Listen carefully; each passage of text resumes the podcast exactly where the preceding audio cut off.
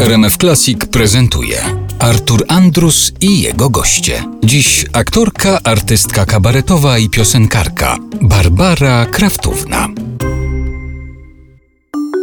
Chciałbym, żebyśmy w tej naszej rozmowie poruszyli kilka takich wątków. Na pewno ważnym wątkiem tej rozmowy będzie pani praca.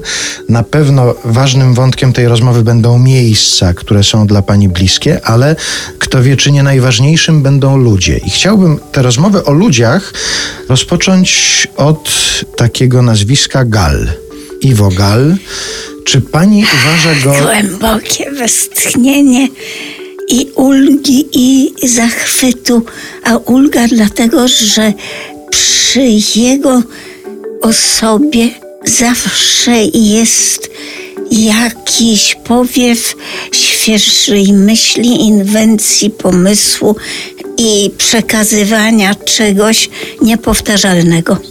Dla wielu naszych słuchaczy pewnie to jest postać tajemnicza. Słuchacze interesujący się teatrem pewnie mogą znać nazwisko Gal z notki encyklopedycznej. Dowiedzą się, że reżyser, scenograf, pedagog, ale we wspomnieniach wielu jego wychowanków to jest postać wysuwająca się właściwie na pierwszy plan, jeżeli chodzi o to, czego się w zawodzie nauczyli. Wszystkiego. Ja chciałbym, żebyśmy wyszli poza tę notkę biograficzną i żeby pani opowiedziała o nim, jakim był człowiekiem, jakim był nauczycielem, jak mówił, jak wyglądał, czego was uczył, na co zwracał przede wszystkim uwagę. Cudowna postać starszego pana, bardzo eleganckiego, z brzuszkiem, który był tenże brzuszek tak misternie zamazywany, schowany w każdej sytuacji, czy w siedzącej pozycji, czy powiedzmy wstającej, a już wtedy, kiedy szedł, to krokiem wręcz baletowym. Lekuśko, cudownie, zawsze w pięknych butach, chciałabym powiedzieć pantoflach.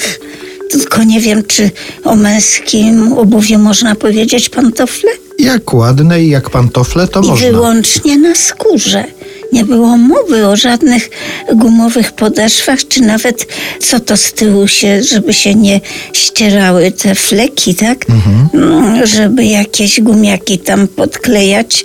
Nie, nie, to była skóra, także je, i te obcasy płaskie w męskim trzewiku, buciku, półbuciku stukające, czyli dla osób umuzykalnionych, muzykalnych, słyszących kroki, to był jak gdyby znak epoki.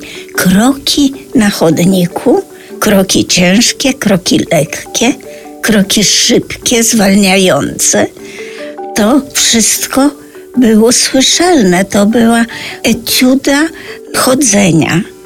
Mało tego, odnosiło się wrażenie, że on z pełną świadomością ciała, a jestem przekonana teraz o tym temacie, mówiąc, na pewno miał świadomość, że wówczas, w tej epoce, w której on i dzieciństwo, i młodość przeżywał, i dojrzały wiek, to umiejętność chodzenia pod tytułem Pięta palce. Taki przeniesiony początek kroku w balecie.